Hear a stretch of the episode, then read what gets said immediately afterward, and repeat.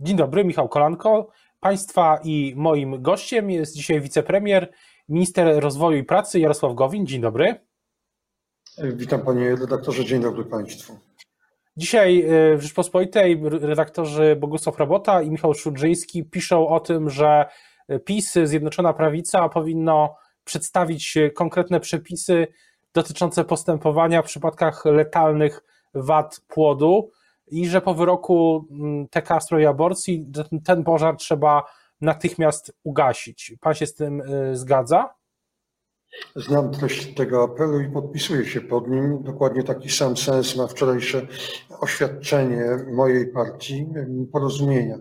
Z jednej strony mm, uważamy, że należy chronić y, życie dzieci dotkniętych tak zwanym zespołem Downa. Z drugiej strony nie akceptujemy i uważamy, że nie wolno dopuścić do sytuacji, że mm, kobiety będą traktowane z mm, okrucieństwem albo zmuszane prawnie do heroizmu, a tak byłoby, gdyby na przykład matka musiała, była zmuszana do tego, aby urodzić dziecko, które albo w trakcie porodu, albo zaraz potem na pewno umrze. Panie, jak konkretnie Pana zdaniem te przepisy mogą wyglądać i kiedy, y, czy zapadła już decyzja polityczna o tym, że, że zjednoczona, cała Zjednoczona Prawica będzie takie przepisy przedstawiać? Nie, takiej decyzji nie ma. Zbierają się statutowe ciała wszystkich partii i one będą podejmować decyzje, jak odnieść się do orzeczenia Trybunału Konstytucyjnego. Mogę powiedzieć w imieniu porozumienia, że my już rozpoczęliśmy konsultacje i z prawnikami, i z lekarzami, i ze środowiskami kobiecymi, tymi, które są otwarte na dialog w najbliższych dniach. Przedstawimy konkretne propozycje przepisów, które z jednej strony respektować będą orzeczenie Trybunału Konstytucyjnego, ale z drugiej strony przedstawią taką wykładnię, która pozwoli uniknąć sytuacji, o jakiej wspomniałem na początku, czyli sytuacji traktowania kobiet z nieuzasadnionym okrucieństwem i zmuszania ich do kompromisu do, Ale zmuszania ich do heroizmu. Zanim jeszcze przejdziemy do in, innych e, szczegółów e, tego, tego e, jeśli chodzi o ten kierunek, to też pytanie, czy to oświadczenie pana porozumienia i też to, co mówi pan teraz, to jest taka, to jest też taki sygnał, że, że pan i porozumienie nie chcą ostrego kursu przeciwko kobietom. Za naszym oświadczeniem nie należy doszukiwać się żadnych podtekstów politycznych, tego typu jak ten, który zasugerował pan redaktor. Chyba wszyscy jesteśmy zaniepokojeni tym, co dzieje się na ulicach polskich miast. Wszyscy zdajemy sobie sprawę z tego, że sytuacja może wymknąć się spod kontroli i to jest test odpowiedzialności dla nas wszystkich, dla polityków zarówno obozu rządowego, jak i opozycji. To jest test dla dziennikarzy, dla organizacji pozarządowych, dla Kościoła. Uważamy, że trzeba szukać rozwiązań, które będą miały szansę zyskać akceptację trwałej większości społeczeństwa. Tylko tego typu rozwiązania mogą skutecznie na dłuższą metę stać na straży ochrony życia.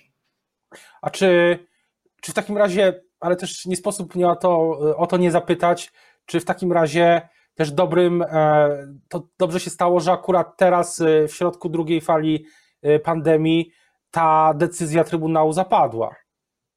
My politycy nie mamy wpływu ani na treść, ani na termin podejmowania decyzji przez Trybunał Konstytucyjny.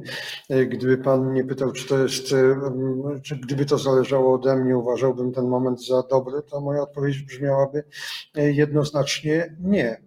Mamy globalny kryzys epidemiczny, mamy globalny kryzys gospodarczy. Na tych sprawach, na zwalczaniu koronawirusa, jego skutków gospodarczych powinniśmy się koncentrować. No tymczasem orzeczenie Trybunału Konstytucyjnego z całym szacunkiem dla prawa sędziów do podejmowania takich decyzji, jakie uważają za właściwe i w takim momencie, który uważają za odpowiednie, ale to orzeczenie na pewno nakłada na dwie płaszczyzny kryzysu i jeszcze płaszczyznę trzecią. Dlatego jeszcze raz podkreślam, od nas polityków zależy teraz to, w jak odpowiedzialny sposób zachowamy się wobec tej sytuacji.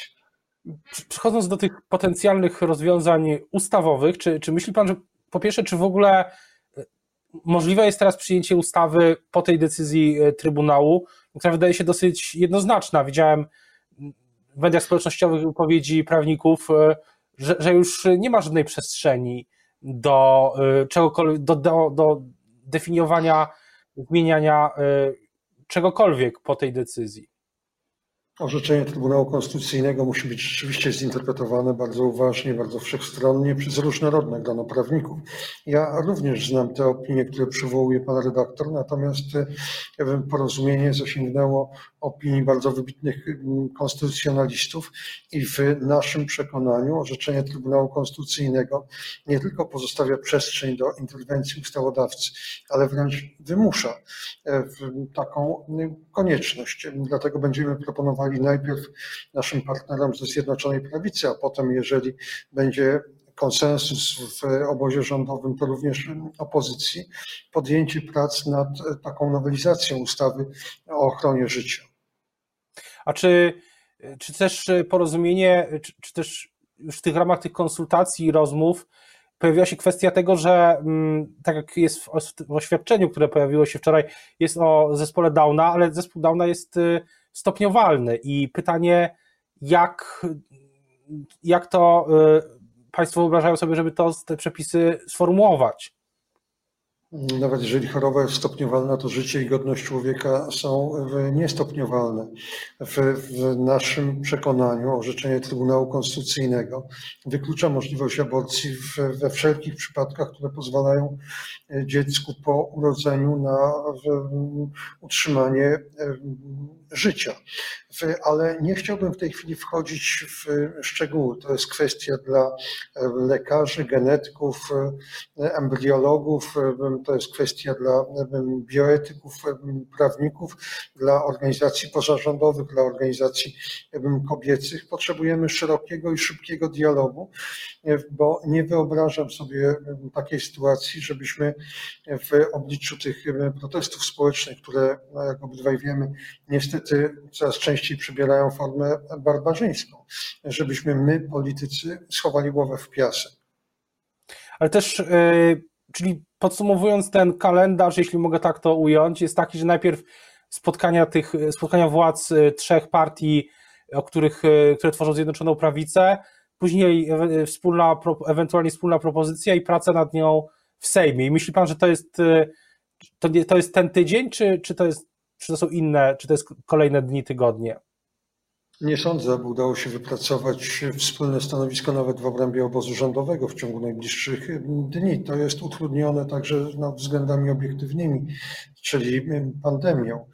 Wczoraj skonsultowałem moje stanowisko z prezydium porozumienia, ale oczywiście to były konsultacje zdalne.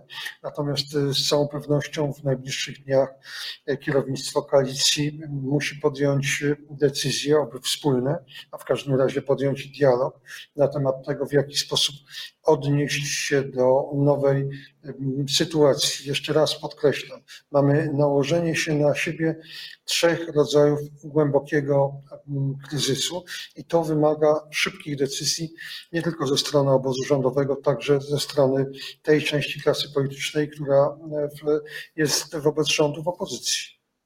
A czy w ramach e, tych uzgodnień e, czy myśli pan, że byłaby, opc- byłaby taka, taki scenariusz, że na przykład jeśli ktoś w obozie Zjednoczonej Prawicy wyjdzie z propozycją, żeby, żeby, żeby też zmienić e, karalność za nielegalną, podkreślam, za nielegalną aborcję, ją zwiększyć, e, to, to myśli pan, że to jest coś, co też byłoby w ramach tych uzgodnień?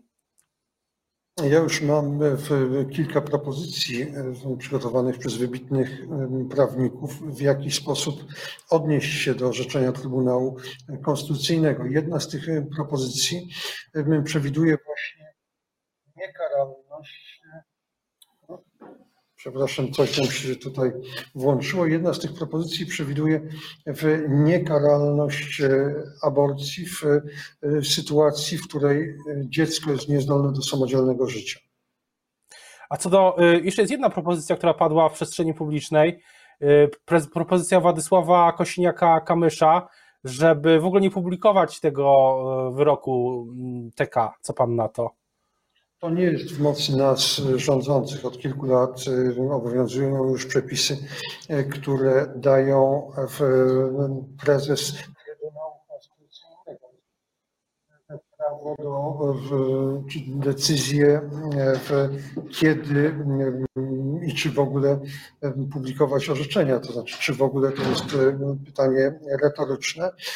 Natomiast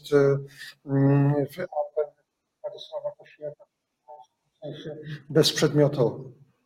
Co do, co do, mówiliśmy chwilę o też politycznym kontekście, a czy obawia się Pan takiego efektu, jak to się utarło nazywać, wahadła, że ta decyzja, jeśli nic się nie zmieni, to ta decyzja doprowadzi za kilka lat do dużo, dużo mocniejszej liberalizacji przepisów aborcyjnych niż bez niej? Nie jest żadną tajemnicą, że zawsze byłem zwolennikiem tego kompromisu aborcyjnego, który został przez Trybunał Konstytucyjny uchylony. Byłem zwolennikiem tego kompromisu, mimo mojego jasnego stanowiska e, co do mm, aborcji. Dlaczego uważałem, że ten kompromis jest wielką wartością? Po pierwsze, dlatego, że żyjemy w pluralistycznym, demokratycznym społeczeństwie i prawo musi odzwierciedlać ten pluralizm stanowisk. A drugi powód, dla którego popierałem e, kompromis aborcyjny, to właśnie obawa przed e, tym mechanizmem wahadła.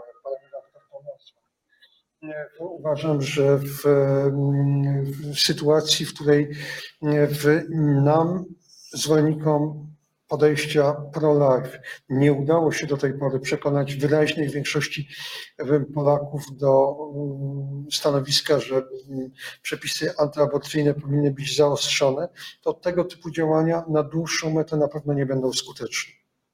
Na koniec chciałbym jeszcze zapytać o, o gospodarkę. W jakiej perspektywie czasowej możemy się spodziewać tych propozycji dla branż, zwłaszcza dla gastronomii, no, które, ma, które są dotknięte teraz e, obostrzeniami? Te propozycje zostaną przedstawione i mam nadzieję, że przyjęte już na najbliższym posiedzeniu Sejmu, które zaczyna się jutro. A zatem jutro rano wszystko będzie jasne. Zresztą jesteśmy w stałym kontakcie z przedstawicielami tych branż. Oczywiście no, siłą rzeczy nie, nie jesteśmy w stanie konsultować e, tych rozwiązań prawnych i, i skali pomocy finansowej ze wszystkimi zainteresowanymi, ale przynajmniej z reprezentatywnymi organizacjami organizacjami biznesowymi. I zupełnie na koniec pytanie, czy myśli Pan, że Polacy powinni szykować się na, na kolejny lockdown? Od początku nasz rząd stał na takim stanowisku, że całkowity lockdown jest e, niemożliwy, chociaż możliwe są takie punktowe ograniczenia, jak te, które spotkały e, na przykład branżę gastronomiczną. Oczywiście ostateczna decyzja będzie podejmowana przez cały rząd. Mogę tylko powiedzieć, jakie stanowisko w debatach rządowych będę zajmował ja, nie tylko jako minister odpowiedzialny za gospodarkę, ale także jako polityk i obywatel. Otóż jestem zdecydowanie przeciwny jakimkolwiek dalszym obostrzeniom, jeżeli chodzi o działalność gospodarczą. Bardzo dziękuję za rozmowę. Państwa i moim gościem dzisiaj był wicepremier, minister rozwoju i pracy Jarosław Gowin. Dziękuję bardzo. Bardzo dziękuję.